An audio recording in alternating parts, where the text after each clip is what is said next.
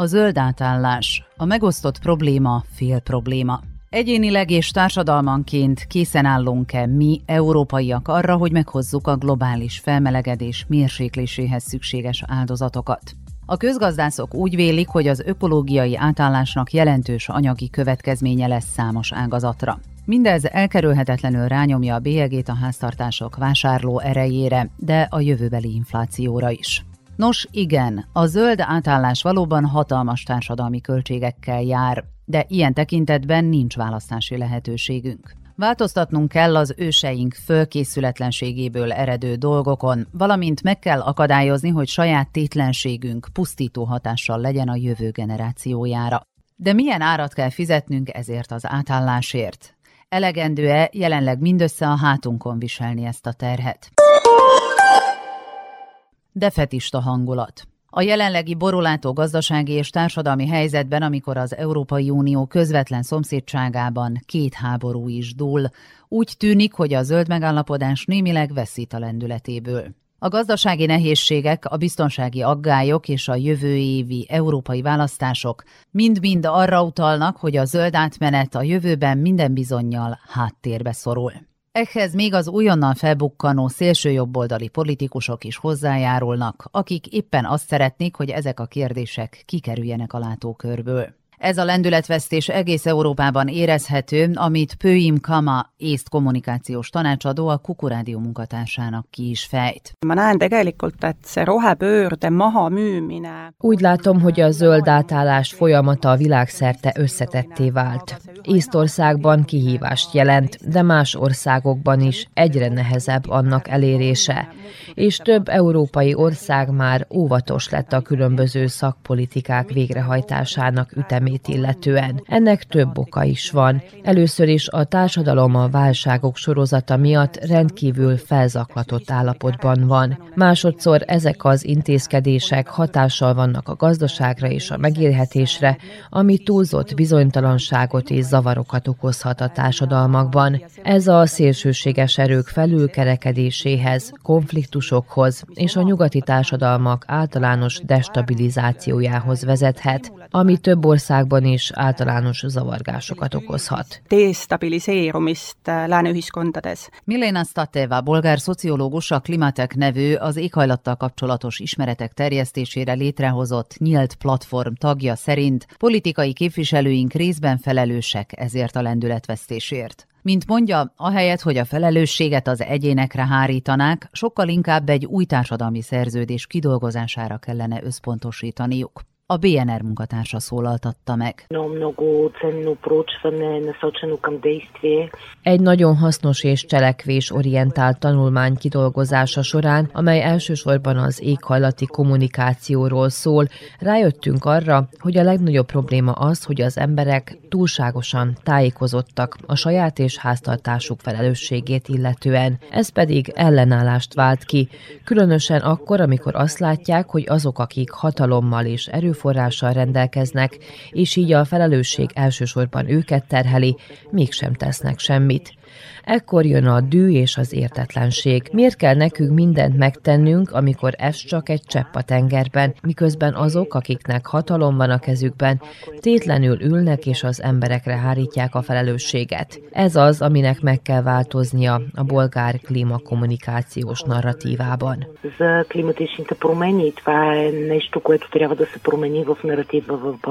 Természetesen a legtöbb politikus tisztában van azzal, hogy kulcs szereplők ebben a történetben De ahogy Susana Fonseca, a Zero Environmentalist Portugál Egyesület munkatársa, a Radio Renascença munkatársának elmondta, néhányan közülük úgy érzik, hogy megfulladnak a jogalkotási akták áradatában. Quando começamos com um plano muito grande, este plano... Amikor egy nagy tervel indulunk, annak számos jogalkotási kezdeményezésen, vitán, sőt nyomásgyakorláson kell keresztül mennie, hogy megszülessenek a dokumentumok, létrejöjjenek a megállapodások. Mégis amikor az Európai Parlament néhány döntéshozójával együtt vagyunk, azt halljuk, hogy tapasztalható egyfajta jogalkotási fáradtság, vagyis hogy nagyon sok javaslat van az asztalon.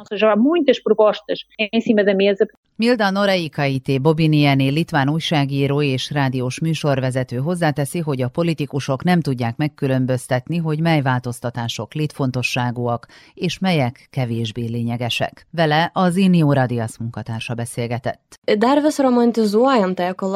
Az ökológiát általában úgy festjük le, mintha egy hiánypótló tudományágazat vagy valamiféle hobbi lenne, pedig valójában kötelező feladatkör. Igen, mindannyian tudjuk, hogy ökológiai szempontból fontos, hogy ne használjunk nem újrahasznosítható műanyagokat, de ennél sokkal fontosabb dolog az, hogy hogyan fűtjük az otthonunkat, vagy milyen autóval közlekedünk. Azoknak a politikusoknak, akik részt kívánnak venni az éghajlatváltozás elleni küzdelemben, ismerniük kell a vita tudományos és gazdasági vonatkozásait. Ugyanakkor együtt kell működniük tudósokkal, környezetvédőkkel és kommunikációs szakértőkkel, hogy világos, pontos és meggyőző üzeneteket közvetítsenek. Természetesen ellentmondás van a hatalmas rövidtávú erőfeszítések és az azonnali kézzelfogható eredmények hiánya között. És ezt az aránytalanságot a politikusok is érzik, akiknek rövid a megbizatási időszaka, és aggódnak amiatt, hogy a népszerűtlen, bár szükséges döntések meghozatala elidegenítheti a választókat. Éppen ezért a fiatal európaiaknak kimondottan szükségük van arra, hogy a politikusok egyértelműen felhatalmazást kapjanak a változásra. Fejti ki Portugáliában Susana Fonseca.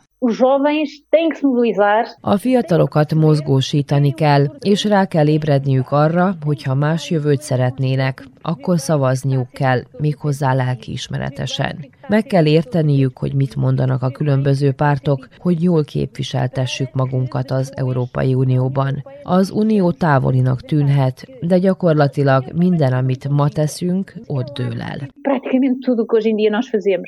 A magyar szakértők zöme úgy látja, hogy a zöld megállapodásba foglalt célkitűzéseket csak akkor sikerül megvalósítani, ha az éghajlati és környezeti kihívásokat lehetőségként kezeljük minden szakpolitikai területen, és ha gondoskodunk róla, hogy a gazdasági átállás mindenkivel szemben igazságos legyen, Szécsi Balázs, az Alteo befektetési tanácsadója úgy látja, hogy a politikai döntéshozók irányába jobban meg kellene fogalmazni az igényeket, hiszen véleménye szerint nyomásgyakorlás nélkül alig ha tesznek bármit az ügy érdekében. Az egésznek valahol a, az alapja az, hogy a lakosság jobban megértse, hogy fontos a környezetvédelem.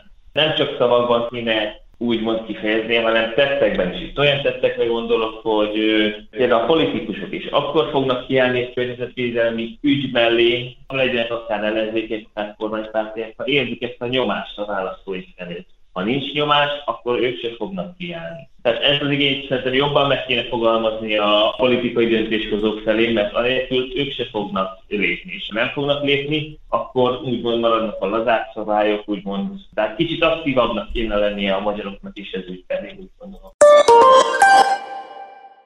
Evolúció vagy forradalom? A siker valódi kulcsa azonban abban rejlik, hogy minden demográfiai csoport számára kiemeljük az éghajlatváltozás kezelésével járó gazdasági lehetőségeket és a rövidtávú életminőségbeli előnyöket. Valójában egy új növekedési modellel állunk szemben, és egyes megfigyelők szerint, ha ehhez mindenki csatlakozik, az akár a társadalom egészének költségeit is csökkentheti. Ezt az utat választotta az Európai Unió azzal, hogy 2050-re a klímasemlegességet tűzte ki céljául. Állítja Lucska Kajfes Bogataj szlovén Nobel békedíjas klimatológus az RTV Szlovénia munkatársának adott nyilatkozatában ta zeleni preboj ali pa... Az Európa által célul kitűzött zöld áttörés valójában egy új gazdasági modell. És noha ez még mindig csak egy növekedési modell, a gazdaság eredményességét szavatolva nem károsítja az embereket és az ökoszisztémát. Rendkívül fontos, hiszen a világnak új életképes gazdasági modellekre van szüksége,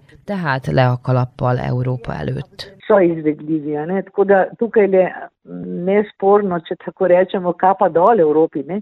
Kajfes Bogatály kifejti továbbá, hogy noha Brüsszel nem húzza be a féket az éghajlatpolitikai célok tekintetében, fennáll a veszélye annak, hogy egyes tagállamok ezt mégis megteszik, hiszen a legújabb éghajlatpolitikai kezdeményezések az úgynevezett Fit for 50 Fit csomag végrehajtására törekednek. Mindezt azonban nehéz megtenni egy globalizálódó világban, ahol idegen gazdasági modelleket látunk. Tudtuk, hogy lesznek nehézségek, és ez részben az unió heterogenitásának tudható be. Vannak itt olyan országok, amelyek történelmi okokból sajnos nagyon különböznek egymástól, és egyértelmű volt számukra, hogy nehéz lesz. Valójában a Fit for 55 csomag volt a lényege ezeknek a változásoknak, és már kezdetektől fogva tudtuk, hogy nem lesz képes minden ország ugyanolyan mértékben megfelelni ennek. Természetesen ezek közül néhányban valóban jól mennek a dolgok, de sok más országban még mindig csak próbálkoznak. Van nekako technológia in v pogovor in ozaveščanje ljudi ne bomo mogli celega kroga speljati. Ezért kell az Európai Uniónak éberen ügyelni a Fit for 55 politikák helyi végrehajtását, biztosítva azt, hogy a tiszta energiába és a hatékonysági intézkedésekbe való beruházás felé tendáló pozitív lendület ne vesszen el, mint ahogyan a tavalyi tél elhalványul a kollektív emlékezetünkben. Legalábbis ezt állítja az Európai Unió éghajlat és energiapolitikájáról az energiaválságról készült dokumentum, amelyet nemrégiben tett közzé az Európai Reformok Központja nevű agytröszt. Brüsszel természetesen nem mehet egyedül ezen az úton. Apostol Dianikov, bolgár éghajlatvédelmi szakértő szavaival élve új közmegegyezésre van szükség az egész Európai Unióban. Társadalomként soha nem állunk készen a forradalmakra azonos időben, tehát abban a pillanatban, amikor azok velünk történnek. Ez volt a helyzet a technológiai, a politikai és a társadalmi forradalmak esetében is. Most egy éghajlati forradalomra van szükségünk, de ez nem lehet mindössze evolúció, hanem valóban forradalom kell, mert túl későn vágtunk bele. Szükségünk van egyfajta társadalmi konszenzusra és arra, hogy az emberek eltűrjék mindazt, ami ennek elérésével jár. És ha ez így történik, akkor könnyű dolgunk lesz, és onnantól kezdve végre fejlődni fogunk, társadalmilag és technológiailag is И оттам насетне да се развиваме и като общество, и като... Joseph Stiglitz, világhírű közgazdász, a Kolumbia Egyetem professzora egyetért azzal, hogy az emberek válság idején gyakran ellenállnak a változásokkal szemben. De a Rádió 24 munkatársának kifejti, tanulnunk kell a múlt hibáiból. A rövidtávú gondolkodásért ugyanis sokszor magas árat kell fizetnünk. It is at the moment of crisis that we risk forgetting about. A válság pillanataiban fennáll a veszély annak, hogy megfeledkezzünk a hosszú távú tervezésről, ami az ukrajnai háború és a közel-keleten zajló zavargások következményeit illeti, ezek a fosszilis tüzelőanyagok az energiaárának emelkedéséhez vezettek. Az említettek fontos emlékeztetőül szolgálnak arra, hogyha már korábban áttértünk volna a megújuló energiaforrásokra, akkor most kevésbé függenénk a fosszilis tüzelőanyagoktól, és könnyebben átvészelnénk ezt a válságot. Meglátásom szerint tehát ennek a krízisnek még inkább emlékeztetnie kell minket a fenntarthatóság fontosságára, és arra, hogy sürgősen kell tennünk valamit. And serve as a, an occasion of focusing on the urgency of what needs to be done. Új társadalmi szerződés. Az uniós intézmény egyik legfontosabb, régóta fennálló kihívása biztosítani a társadalmat afelől, hogy az éghajlatsemlegességre való áttérést ne csak elfogadja, hanem igazságosnak is tekintse. Ha rákeresünk, a hogyan biztosítja az Európai Unió, hogy a zöld alkú méltányos legyen keresőszóra, számtalan tanácsi, bizottsági és parlamenti dokumentumot találunk. Rengeteg erőfeszítést tesznek annak érdekében, hogy senki sem maradjon ki ebből. Ahogyan Vivian Lunella, a bizottság észtországi képviseletének vezetője a Kuku munkatársának elmondta, ez azzal kezdődik, hogy a legkiszolgáltatottabbakra összpontosítanak. Algusest saadik, kui komisjon tuli välja 2019 selle Euroopa rohe... 2019-ben, amikor a bizottság először bemutatta az európai zöld megállapodást, az volt az átható érv, hogy a zöld átállás nem működhet, hanem igazságos. Pontosabban szavatolnunk kell, hogy azok az emberek és vállalatok kapjanak támogatást, amelyek egyébként nehézségekbe ütköznének. De hogyan lehet mindezt elérni? Egyfelől azokra összpontosítunk, akik a legkiszolgáltatottabbak, akik nehéz gazdasági helyzetben vannak. Gyakran ők érzik meg igazán az éghajlatváltozás következményeit. Az Európai Unió elsősorban azt tette, hogy az Észtországnak juttató átfogó euróalapok jelentős részét a jelenlegi pénzügyi keretben mintegy 8 milliárdról beszélünk, így vagy úgy, de a gazdaság megsegítésére és a zöld átállás támogatására fordította. Selle majanduse ja inimeste rohepöördega toimetulekuks. Ha tehát a zöld átmenetet mindenki számára elfogadhatóvá szeretnénk tenni, akkor annak mindenki számára méltányosnak kell lennie. Senkit sem szabad aránytalan költségekkel terhelni, sem most, sem a jövőben. Ez azonban csak akkor működhet, ha ebben mindenki részt vesz. Ez visszavezet bennünket egy új társadalmi szerződés gondolatához, amely világos és stabil kötelezettségvállalásokat tartalmaz, amit a politikusok, a vállalkozások, különösen a KKV-k, a helyi hatóságok, a fogyasztók és a tudósok is elfogadnak. Ez azt is jelenti, hogy a politikai kommunikációt ki kell igazítani ezekkel a kérdésekkel kapcsolatban, és fel kell számolni a félretájékoztatást. Ez volt az idei Green Deal Podcast utolsó előtti epizódja. Két hét múlva egy pozitív hangvételű összeállítással várjuk Önöket. Vajon a technológia megmentheti-e a világot? Ne hagyja ki az utolsó epizódot sem.